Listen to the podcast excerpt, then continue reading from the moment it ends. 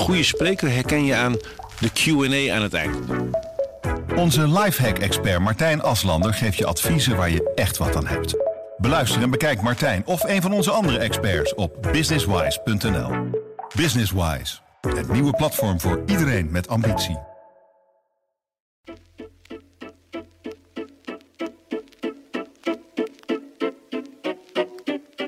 Hallo, dit is Haags Half Uurtje, de politieke podcast van Trouw. Mijn naam is Christophe Schmid. Vandaag zit ik hier met niemand minder dan Hans Goslinga. Al jarenlang onze gezaghebbende politieke columnist. Je bent al sinds 1973 actief in de, Haagse politiek als journalist. ja. En ook nog eens eh, sinds 1978 aan Trouw verbonden aan de politieke redactie. Ontzettend fijn dat je er bent, Hans. Een hele eer. Vind ik ook. Ja. Ehm, en ik ga het met jou hebben over de VVD, de Volkspartij voor Vrijheid en Democratie. Want die vierde deze week in Amsterdam haar 75ste verjaardag. De VVD, nog steeds de grootste partij van het land, met Mark Rutte als langzittende premier in de Nederlandse geschiedenis. Tegelijkertijd ook de partij die de laatste tijd in één adem wordt genoemd met alle crisis. Waar komt die partij vandaan en waar gaat die heen? Ja. Ehm, om te beginnen, als ik jou even mag vragen wat het eerste is dat in jou opkomt als je aan de VVD denkt. Nou, ik vermoed dat het eh, een van de eerste Kamerdebatten was die ik zelf eh, heb verslagen. Dat was het debat waarin eh, de VVD werd toen geleid door Hans Wiegel. Die was eh, fractieleider in de Tweede Kamer. Over welk Hans- jaar jong- hebben we het dan? 1974, Oké. denk ik. Hans Wiegel was fractieleider in de Tweede Kamer. Eh, eh, de fractieleider in de Eerste Kamer was Harm van Riel. Harm van Riel, een Drent. Eh, en eh, de partijvoorzitter was Haya van Zomeren Downer. En ehm, dat, dat werd toen ook wel gezegd, de drie H's. De VVD wordt geleid door de drie H's. En Aantjes maakte ervan, ja, ja, de drie H's. Dan denk ik, een oude dominee van me, die zei hebben, halen en houden. En eh, ja, dat, Wiegel vond dat prachtig. Die houdt wel van dat soort bonmo's en eh vond het een vondst. Maar Haya van Zomeren vond het veel minder, want die- zei, eh, dat raken we nooit meer kwijt, dat etiket. Maar dan heb je het Nou, over dus. Dat- hebben, ha- halen en houden, dat, dat heel materialistisch. eh, Nou ja, gedachte. dat was het beeld eh, toen heel scherp van de VVD. Het kabinet Den Uyl regeerde. En de VVD gold toen echt als de partij voor de eigen portemonnee, voor de eigen beurs, voor de eigen auto en de eigen woning. Heel materialistisch. Mhm. En ja, dat heeft Wiegel heeft in die periode de partij ook eh, zeg maar ja, groter gemaakt. En, en meer een volkspartij van gemaakt die de VVD eh, vanaf de oprichting in 48 eh, wilde zijn. Ja. We gaan het zo uitgebreid hebben over wat er van dat oergedachtegoed over is. Ehm, even terug naar de oprichting van de VVD. 24 januari 1948, Amsterdam. Ehm, met welk idee ontstond die partij toen? Wat voor gat in de markt wilde zij opvullen? Nou, het was met de, liberalen voor de oorlog niet zo heel goed gegaan. Eh, die konden moeilijk op tegen Colijn, de gereformeerde premier, die het land eh, in die tijd eh, van crisis leidde. Dus die liberale staatspartij die we toen hadden, die, die, die deed het niet goed. En na, de oorlog zijn de vrijzinnig democraten, oud en, en nog wat andere, zijn overgestapt naar de nieuwe PvdA. Dat, was een, een, dat moest een doorbraakpartij worden. De Dus socialisten. ook de socialisten, maar dan eh, wilde doorbreken naar alle gezinten, zeg maar. Ehm, dat die doorbraak mislukte, waardoor er in de, in de PvdA toch nog steeds eh, de, de oude socialisten de toon aangaven. En dat zinde de vrijzinnige democraat oud niet. Die richtte een comité op van ontevreden PvdA'ers en die zochten samenwerking met Sticker. Die had ook een partij opgericht. Eerst de liberale staatspartij heropgericht, maar toen dacht hij, ja nee, eh, ik maak er wat anders van. Het was de Partij van de Vrijheid. Niet te verwarren met de Partij voor de Vrijheid die we nu kennen. Aha, duidelijk onderscheid. Die, die twee zijn, Oud en Sticker, zijn samengegaan en hebben samen de Volkspartij voor Vrijheid en Democratie opgericht. Natuurlijk klinkende namen vlak na de oorlog, 1948. En eh, de partij, zoals zij die omschreven, was, eh, was een, echt wel een ondernemerspartij. Maar die, ideologisch gezien moest die partij ook een dam opwerken. Eh, Sticker had het zelfs over een afsluitdijk tegen de hoger wordende rode golven. Mhm. En daarmee bedoelden ze natuurlijk de, de Russische beer die toen zich in alle hevigheid liet gelden. De communistische CPN hier in Nederland werd onmiddellijk in de ban gedaan door de VVD. En de Partij van de Arbeid vonden ze eigenlijk te slap, ideologisch te slap, om zich tegen dat communistische gevaar te verweren. Oké, Dus een jaar of tien later is ook de PvdA in de ban gedaan. Want eh oud zij regeerde met de PvdA is de, is de ondergang van dit volk. Er waren nogal termen. Dus die partijen hebben elkaar eh, heel lang uitgesloten, eigenlijk tot de val van de muur in 89. En waardoor de Christen-Democraten, die sterk in verval waren, toch in het midden van de politiek de toon konden blijven aangeven. En nou is uh, goed opgericht in 48. Hoe is het met de VVD vergaan? Want ze, ze kwamen al vrij snel in de regering. Uh, hoe is het in de jaren 50 en 60? Nou ja, doorgegaan? ze zijn even in de regering geweest. Dat was ook vooral vanwege de Indonesische kwestie die toen speelde. De onafhankelijkheidsstrijd van Sukarno en Hatta uh, tegen Nederland. En Drees die wilde, en Beel, dat waren toen de toonaangevende politici in de Partij van de Arbeid en de KVP, ook een nieuwe partij toen die uh, wilden een kabinet op brede basis. Uh, zodat het, de, de, oorlog die we daar voerden onder het etiket politionele acties, komt ons nu een beetje bekend voor ja. vanwege Oekraïne. Uh, dus die wilden. Um, Je ehm, bedoelt dat dat een eufemisme was voor een. Uh, ja, het was een eufemisme ja. voor wat, wat Rutte nu laatst gewoon ronduit een koloniale oorlog heeft genoemd. toen heeft de VVD dus even meegedaan. een aantal jaren, drie jaar. En toen daarna was het toch echt rooms-rood uh, wat de toon aangaf tot, tot uh, diep in de jaren 50, 1958. En vanaf dat moment toen begon de welvaart ook te groeien. Toen kwam de VVD heel sterk in beeld als, als ook materiële partij. Die aantrekkelijk werd voor mensen die het een beetje beter kregen. Arbeiders die de oude stadsdelen ontvluchten naar nieuwbouwwijken en, en overloopgemeentes. En Wiegel speelde daar heel handig op in in de jaren 70. En dat, dat materiële, dat, uh, dat was eigenlijk het mikpunt van eh, zowel Aantjes, maar ook van Den Uil. Hans, als we kijken naar die periode na de oorlog, dan hadden we in Nederland te maken met de verzuiling. Hè? Elke partij had een beetje zijn eigen omroep, zijn eigen krant en ja. uh, zijn eigen kerk. Ja. De VVD had dat niet in het nee. begin. Die moest zich een beetje invechten in dat systeem. Ja. Hoe, hoe, hoe, ging dat precies? Ja, dus je kan niet zeggen dat er een, een, een liberale zuil, die was er natuurlijk eigenlijk onzichtbaar wel, maar veel minder georganiseerd dan de nogal strijdvaardige uh, socialistische zuil en de heel strijdvaardige uh, gereformeerde zuil met de ARP. En, uh, um, die, zuil, die zuil, die, daar hadden we net al even over, die doorbraak die de Partij van de Arbeid beoogde. meer, meer een, een, bredere partij te worden. Van dat oude socialistische stempel af te raken, dat mislukte. Ook de pogingen die nog wel hier en daar zijn ondernomen om de ARP, die overwegend gereformeerd was, en de CAU, die overwegend hervormd was, eh, ook samen te voegen. Mislukte ook. Er uh, was nog een derde poging om die twee christelijke partijen, die twee protestantse partijen, te verbinden, net als eigenlijk voor de oorlog, met het liberalisme. Nederland was natuurlijk voor de oorlog politiek gezien heel uh, protestants, christelijk, liberaal land. Althans in het, in het oog. En dat veranderde na de oorlog in Rome's rood. Dus dat waren eigenlijk de, de politieke verbeelders van nieuw, groepen die tot die tijd achtergesteld waren. De arbeiders en de katholieken. En die gaven dus in die eerste jaren na de, van de wederopbouw uh, de toon aan. En toen uh, de jaren zestig aanbraken, toen kwam de VVD weer in beeld als de partij ja, van, het, van de individualisering die zich toen voltrok de ontzuiling, de ontkerkelijking, de welvaart nam toe. Mm -hmm. En dat was uh, dus eigenlijk heel logisch dat de VVD daarvan ging profiteren. Van de individualisering en, ja, uh, en ja. de ontkerkelijking en de ontzuiling. Uh, dat was, ja. En je zag toen ook dat, dat christelijke midden verbrokkelen. Dat bleek uiteindelijk toch nog wel iets veerkrachtiger dan men toen had gedacht. Maar goed, dat is. maar dat, dat, dus dat profiel van die partij paste heel goed bij, de, bij die tijd van de jaren 60 ja. voor een deel. Dus kan je zeggen dat ze gewoon de wind meekrijgen kregen ja, in, in, ja. door de, de maatschappelijke Vooral ontwikkelingen? Vooral de welvaartsstijging ja. natuurlijk, ja. ja. En wat, wat was in die tijd, uh, nou, dat, profileren ging dus min of meer vanzelf, dankzij die ontzuiling. Maar hadden zij nog andere profielprioriteiten? Zij van hier onderscheiden wij ons van andere partijen? Nou, het was natuurlijk typisch een, een uh, partij voor, de, voor het bedrijfsleven. Uh, ook wel Stik, of nee, ja, Sticker, die was een van de eerste die heeft een tijdje in Frankrijk gezeten in de eerste naoorlogse jaren. Daar zag hij dat maatschappelijke conflicten op straat werden uh, beslist. Dat wilde hij in Nederland helemaal niet. En dus hij was een van de eerste die ook begon over dat typische Nederlandse poldermodel, wat toen nog heel anders heette. Het heette toen het overlegmodel of het uh, harmoniemodel. Mm -hmm. uh, dus daar heeft de VVD ook aan de basis van gestaan. Maar dus met vooral de partij die het ondernemersbelang uh, op het oog had. Dus wat gematigder kapitalistisch dan in de jaren 30. En, uh, dus dat was ook typisch een kenmerk van de VVD, ja. En, uh, maar toch altijd wel hoofdzakelijk een liberale, uh, een materiële partij. Ja. ja en ja. daar sloeg dat hebben, halen, houden van aantjes op. Eh, je noemde al Wiegel als een speelfiguur in de jaren zeventig. Uh, stond dus een beetje aan het eh, roer van de VVD tijdens die periode van ontzuiling. Wat maakte hem zo bijzonder?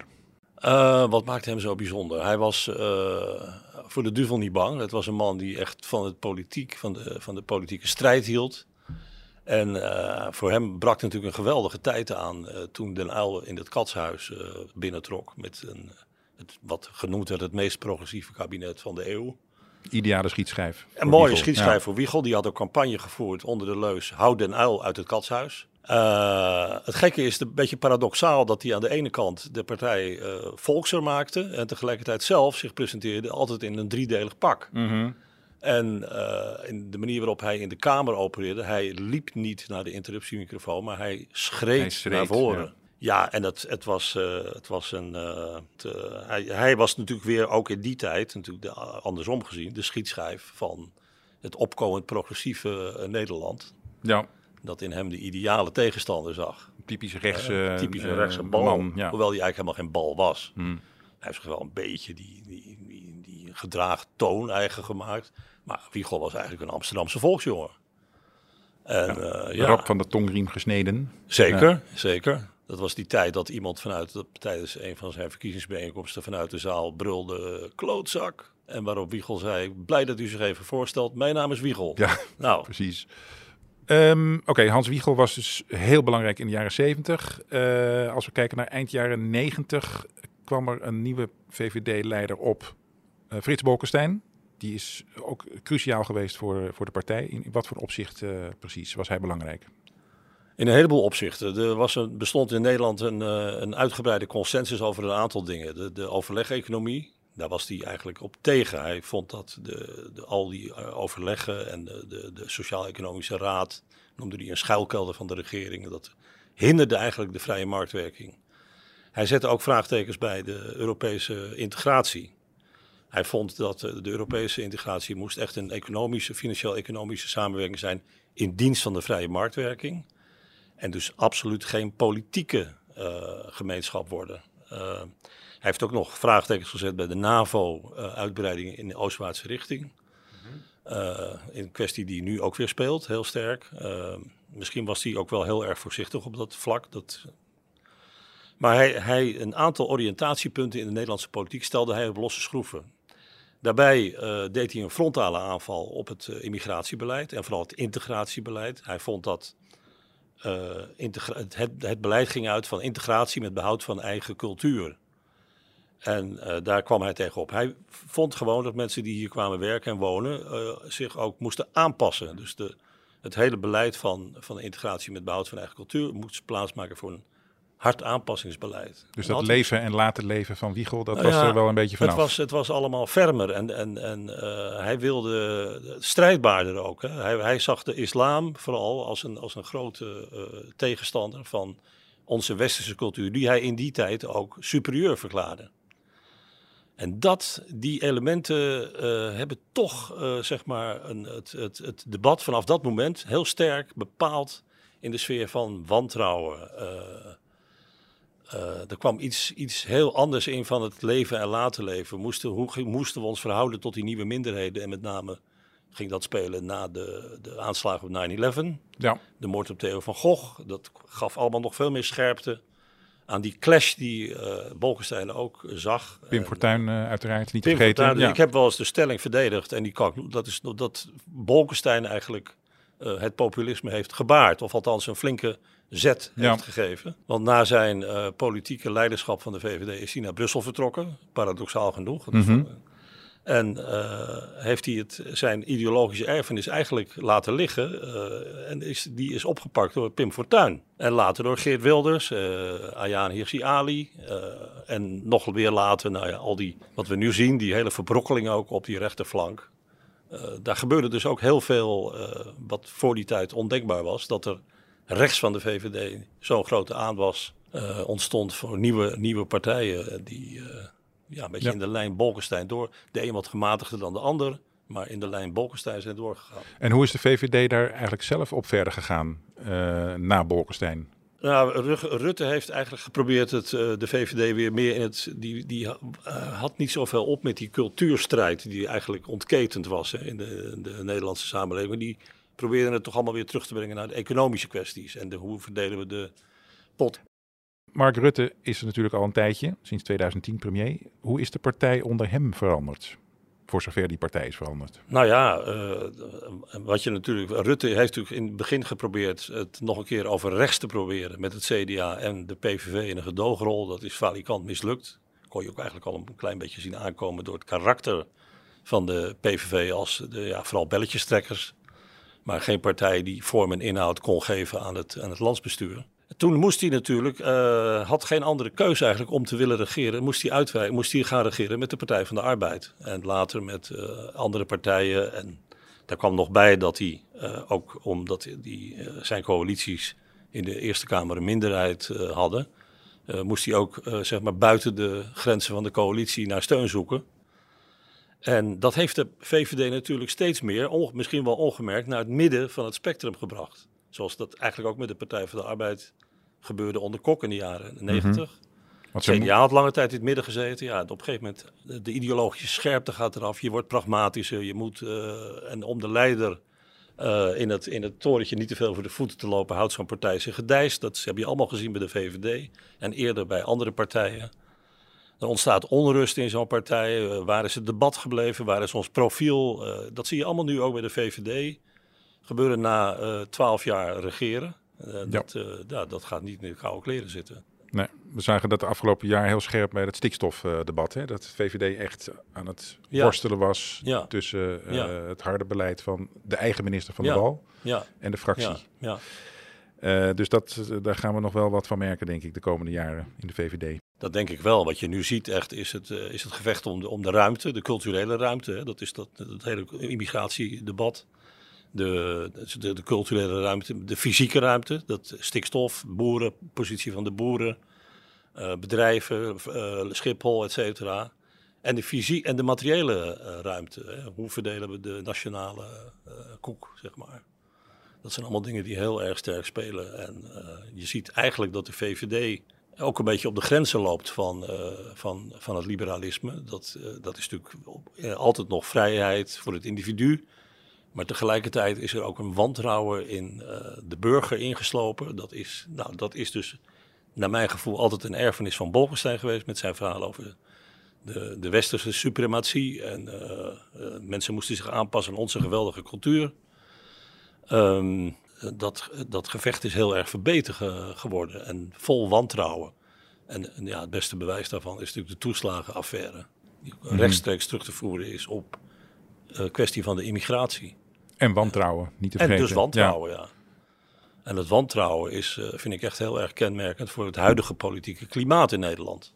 Ja, nou, dat, is een, dat is een heel breed debat. Um, als we even toch terugkijken naar die 75 jaar VVD. Uh, hoe verklaar jij het dat, dat die partij eigenlijk heel vaak in de regering heeft gezeten? Ja, omdat zij natuurlijk toch een. Uh, nou, dat, dat, er zijn twee belangrijke dingen. Het is natuurlijk een vaste kracht altijd geweest, inderdaad, in de, in de maatschappelijk gezien. Vanwege hun posities in de samenleving, de liberalen, de liberalen hebben het over. Um, en het CDA, of de Christendemocratie, heeft altijd liever geregeerd met de VVD dan met de Partij van de Arbeid omdat ze meer mensen kwijt konden. Ze hadden toch altijd een, over een, een dominante positie. Uh, dus ze reageerden veel liever met de VVD, die ook wat inschikkelijker was vaak, uh, dan de, Partij van de Arbeid. Uh, met de PvdA moet je altijd zeg maar, tot het gaatje gaan in onderhandelingen. Met de VVD was het wel iets makkelijker. VV, van Acht en Wiegel was daar een prachtig voorbeeld van natuurlijk. Maar goed, andersom kun je zeggen dat de VVD kennelijk ook heel makkelijk kan samenwerken met een hele ja, brede weier aan partij van, van PvdA tot ChristenUnie. Ja. Ja. ja, dat is wel gebleken onder Rutte. Die, was, die kon heel makkelijk omgaan met allerlei onorthodoxe vormen van samenwerking. En dat heeft hem uh, zeg maar tot een uh, zeer vaardig en uh, goed premier uit ambachtelijk oogpunt gezien gemaakt. Echte bruggenbouwer. Ja, de, iemand die ja. toch in dit hele verbrokkelde landschap de boel toch een beetje bij elkaar ja. houdt. hoe moeilijk en lastig dat ook is. Ja. Uh, je schetste al het beeld van de VVD in de jaren 70, 80 als een echte klassieke rechtse partij voor ondernemers, voor automobilisten. Uh, daar was toen geen enkele andere partij voor. Inmiddels zien we vooral aan de rechterflank, in het jaar 21, de PVV, we hebben Forum natuurlijk zien opkomen. Die hebben de VVD rechts ingehaald. Ja. Ik uh, zag al van de week iemand opmerken dat de VVD een beetje een linkse partij is geworden in dat Mhm. landschap. Uh, schets, schets jij dat beeld eens? Klopt dat een beetje? Nou, Rutte heeft, ik geloof twee jaar geleden in de Kamer gezegd... de VVD is een, is een uh, centrumrechtse partij en Nederland is een centrumrechts land. Het viel eigenlijk, uh, eigenlijk samen. Hij wilde eigenlijk het land en de VVD bij elkaar brengen op die Aha. manier. Maar dat, dat is natuurlijk niet zo. Hij heeft ook wel eens gezegd dat de VVD op punten van abortus, euthanasie, uh, seksuele omgang, dat soort zaken, uh, een hele linkse partij Ja. is. Maar hij heeft ook wel eens gezegd dat Nederland in de kern een diep socialistisch land Heeft is. hij ook gezegd. Ja. Hij heeft heel veel gezegd. Uh, dus misschien kunnen wij beter bekijken hoe het nou echt zit. Uh, ja, nee, het is een, een, partij die regeert vanuit het midden. En ja, bijna als vanzelf. Uh, met met zo'n luidruchtige rechterflank aan het krimpen is. Althans, dat, die, dat gevaar loopt ze. En als je kijkt, je had het net al even over dat liberale uh, gedachtegoed, waar de VVD nu een beetje op het randje zit. Ja. Uh, zijn die andere rechtse partijen dat een beetje aan het zich toe-eigenen, dat liberale gedachtegoed? Dat zou ik niet zo uh, willen zeggen. Ik vind die partijen helemaal niet liberaal. Die zijn nog, nog veel minder liberaal dan de VVD misschien, ook al. En, want het grappige is dat je na de val van de muur hebt gezien, toen was eigenlijk vrijheid was iets waar je niet eens over hoefde te discussiëren. Dat definieerde zichzelf door de Koude Oorlog en uh, door onze eigen herinneringen aan de bezetting. Dus over wat vrijheid inhield, dat was eigenlijk geen punt van discussie. Na de val van de muur zag je dat het een enorm punt van discussie werd. De vrijheid van meningsuiting, de vrijheid van onderwijs, de vrijheid van godsdienst. We kwamen allemaal uh, op losse schroeven te staan. We werden op zich heel goed hoor, dat daarover gediscussieerd werd. Maar dat, is, dat gaf een hele nieuwe dimensies aan de Nederlandse politiek. Uh, als we even het, de VVD uit de beginjaren uh, proberen te reconstrueren en de kern daarvan blootleggen, wat is daarvan nog over? Nou ja, de grote vijand van de VVD was natuurlijk altijd het communisme.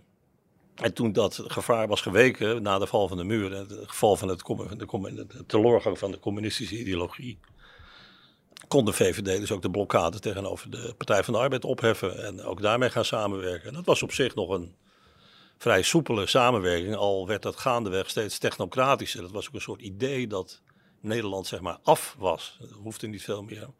Ik weet nog wel, Dijkstal was toen de leider van de VVD, die, uh, althans de fractieleider in de Kamer.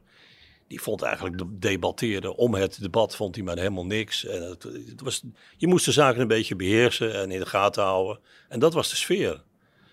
Maar onder, onder, onder de onderstroom was een heel andere. Hè? Dat, dat, hele debat over immigratie en integratie werd toen eigenlijk ook uit de weg gegaan. En dat kwam toen in, uh, met de opkomst van Fortuyn tot een, uh, tot een knal. Dat heeft natuurlijk een, uh, nog, toch nog steeds een enorm effect op het politieke debat okay. en de sfeer. Ja. De VVD is nog steeds de grootste partij van Nederland, hoe je het ook bent of keert. Um, hoe komt dat toch? Als je terugkijkt op de afgelopen jaren, zitten er zoveel littekens op de gevestigde politiek, dus ook op de VVD als grootste vertegenwoordiger daarvan. Hoe komt het dat die partij dan toch nog steeds uh, appelleert aan zoveel kiezers? Ja, wat is maar net wat je zoveel, ja, nou 34 zetels is, is een de behoorlijke, minst, behoorlijke minst, omvang, de minst partij, kleine ja. partij. De dominante partij op dit moment inderdaad. Ja, ik denk dat hun, uh, het is natuurlijk net als uh, de Partij van de Arbeid en het CDA heel sterk een partij die op het besturen is uh, gericht, op pragmatische oplossingen zoeken. Niet te veel ideologie eigenlijk. Hoewel, dat was, met Bolkestein was dat toch wel anders. Maar toch ja, een beetje dat. dat, dat het zit ook wel iets technocratisch in. De link met ondernemers. Nou, dat hele verhaal over de dividendbelasting die, die Rutte wilde verlagen. Dat was eigenlijk ter wille van Unilever en Shell, mm -hmm. geloof ik, was het. Dat is toch ook best ideologisch? Dat is heel dus, ideologisch, ja. maar dat wordt er natuurlijk altijd een beetje bij de VVD wat ondergehouden. De, de, koopman, de koopman moet alle ruimte krijgen, dus niet te veel, niet te veel discussie. De, dat wil, de dominee wil dat niet, de koopman wil dat niet. Uh, dus het schip een beetje in het midden en uh, maatschappelijke rust. Dat, uh, ja. En daar zijn ze wel sterk in, ja. Tot nu toe. Het moet nog blijken ja. hoe het nu, zich nu gaat ontwikkelen. Ja. Iedereen heeft het over uh, eh, hoe moet het met de VVD verder als Mark Rutte er niet meer is? Heb jij daar een idee eh, over? Uh, zou die tijd ooit aanbreken? Ja, nou ja. Ver in de toekomst. Nu alweer geruchten dat die voor een vijfde ja. termijn zal opgaan. En ja, je, je, kan ook niet anders zeggen dan dat hij dat ook heel goed doet. En uh, dat een opvolger niet direct voorhanden is. Ja, nou wat de VVD zit dus nu met een geweldig aantal partijen op de rechterflank. de, de strategie van Wiegel was altijd het gat op rechts moeten we dicht houden. En dus dat dat deed hij door uh, eigenlijk achteraf gezien op een vrij milde manier te polariseren met de Partij van de Arbeid. Met als doel ook dat christelijke midden te breken. Mm. Oh, mild polariseren. Dat nou ja, mooie... dat klinkt een beetje. Ja, kijk, polariseren, wat, dat had toen nog een wat andere lading dan het nu heeft gekregen. Het is nu ook meteen staat voor veel scherper en voor scherper en verbeten. Hard tegen verbeten hard. Ja. debat mm -hmm. met veel achterdocht. Uh, en, en twijfel aan de goede wil van anderen de, ja, hoe de VVD daar uh, zich uit gaat redden, dat, uh, ik, ik, ik, ik, ik, ja, ik, ik, ik, kijk graag terug om beter vooruit te kijken, maar uh, ik, dat vind ik moeilijk te zeggen. Ja. Ze zitten in een heel andere positie. Het was ooit de meest rechtse partij op de, in de Nederlandse politiek. Het is nu een middenpartij geworden. Door het, het, het hele spectrum is natuurlijk wat naar rechts verschoven. Hoewel, als je kijkt naar die blokken, het linkerblok en het rechterblok, die blijven eigenlijk wel min of meer gelijk. Nederland is eigenlijk altijd een land geweest waar rechts net iets meer, uh, net iets, iets net een beetje dominant was. Over links. Links heeft hier ook nooit uitzicht gehad op een meerderheid. En heeft ook nooit een meerderheid gehaald. Hè, in tegenstelling tot andere landen. Dus de grote frustratie eigenlijk van de Partij van de Arbeid. Dat ze nooit echt, behalve dan in de jaren negentig. Maar toen waren, zaten ze echt in het spoor van de VVD en de liberalen. Want die hadden immers de, de Koude Oorlog gewonnen. En de liberale democratie had de toekomst. Nou, het is toch allemaal wat anders gelopen. Kijkend naar de toekomst, wat, wat zie jij als hoofdopdracht voor de VVD, voor de liberale beweging? Nou, laat ik eerst zeggen dat ik als hoofdopdracht voor de politiek in zijn algemeenheid zie, is dat uh, het, het individu weer wordt verbonden met de gemeenschap. Dat zijn twee belangrijke elementen waardoor mensen zich thuis voelen in een land. Als dat op een goede manier in elkaar grijpt. Dus dat het mensen hun privébelang, uh, dat dat privébelang van mensen ook uh, samenvalt met het publieke belang. Dat je kan zeggen, goh, ik vind het leuk om in Nederland te wonen. Mm -hmm. En dat je echt een gaaf land is. Gemeenschapsgevoel. En nu is het toch wel meer een geschonden land door die polarisatie en het wantrouwen. Uh, dus ja, het, ik zou zeggen voor de VVD, ga terug naar de wortels van het liberalisme. Dat is begonnen als een tegenmacht tegen de absolute macht van een koning. Uh, de ontwikkeling van het individu was belangrijk. Uh, mensen moesten tot hun recht komen. Hè. Een beetje ook dat idee van die American Dream, die uh, misschien een beetje te veel in materiële zin is uitgelegd, maar eigenlijk bedoelde dat iedereen tot zijn recht moet komen in een samenleving. Dus dat, dat, dat idee van.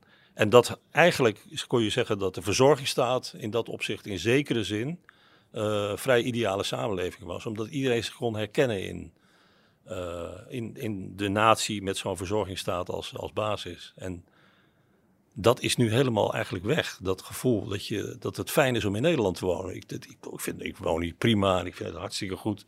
Maar ik maak me ook wel echt zorgen hoe het in Nederland uh, verder gaat. En ik zou dus vinden dat de politiek zich als het ware opnieuw moet uitvinden. En dat geldt voor de christendemocratie, voor de sociaaldemocratie, maar ook uh, voor, de, voor, de, voor de liberale VVD duidelijk. Ik uh, hoop dat uh, het VVD-bestuur dit allemaal uh, hoort. En misschien zelfs premier Rutte en alle andere politieke leiders van die partij. want dit was niemand minder dan Hans Gosniga die met deze opdracht komt. Hart, hartstikke bedankt Hans voor Graag deze inzichten. Um, en hopelijk tot, tot snel een andere keer over een andere partij wellicht. dit was Haags half uurtje voor deze week. deze podcast van Trouw wordt gemaakt door Hanna van der Wurf. Uh, mijn naam is Christel Smit uh, en we hebben nog meer podcasts op onze website staan uh, www.trouw.nl slash podcast. En we hebben ook een e-mailadres haagshalfuurtje.trouw.nl Volgende week zijn we er weer. Tot dan. Mensen luisteren niet naar wat je zegt, maar kopiëren wat je doet. Onze vitaliteitsexpert Martin Hersman helpt je te focussen op wat echt belangrijk is. Beluister en bekijk Martin of een van onze andere experts op businesswise.nl. Businesswise, het nieuwe platform voor iedereen met ambitie.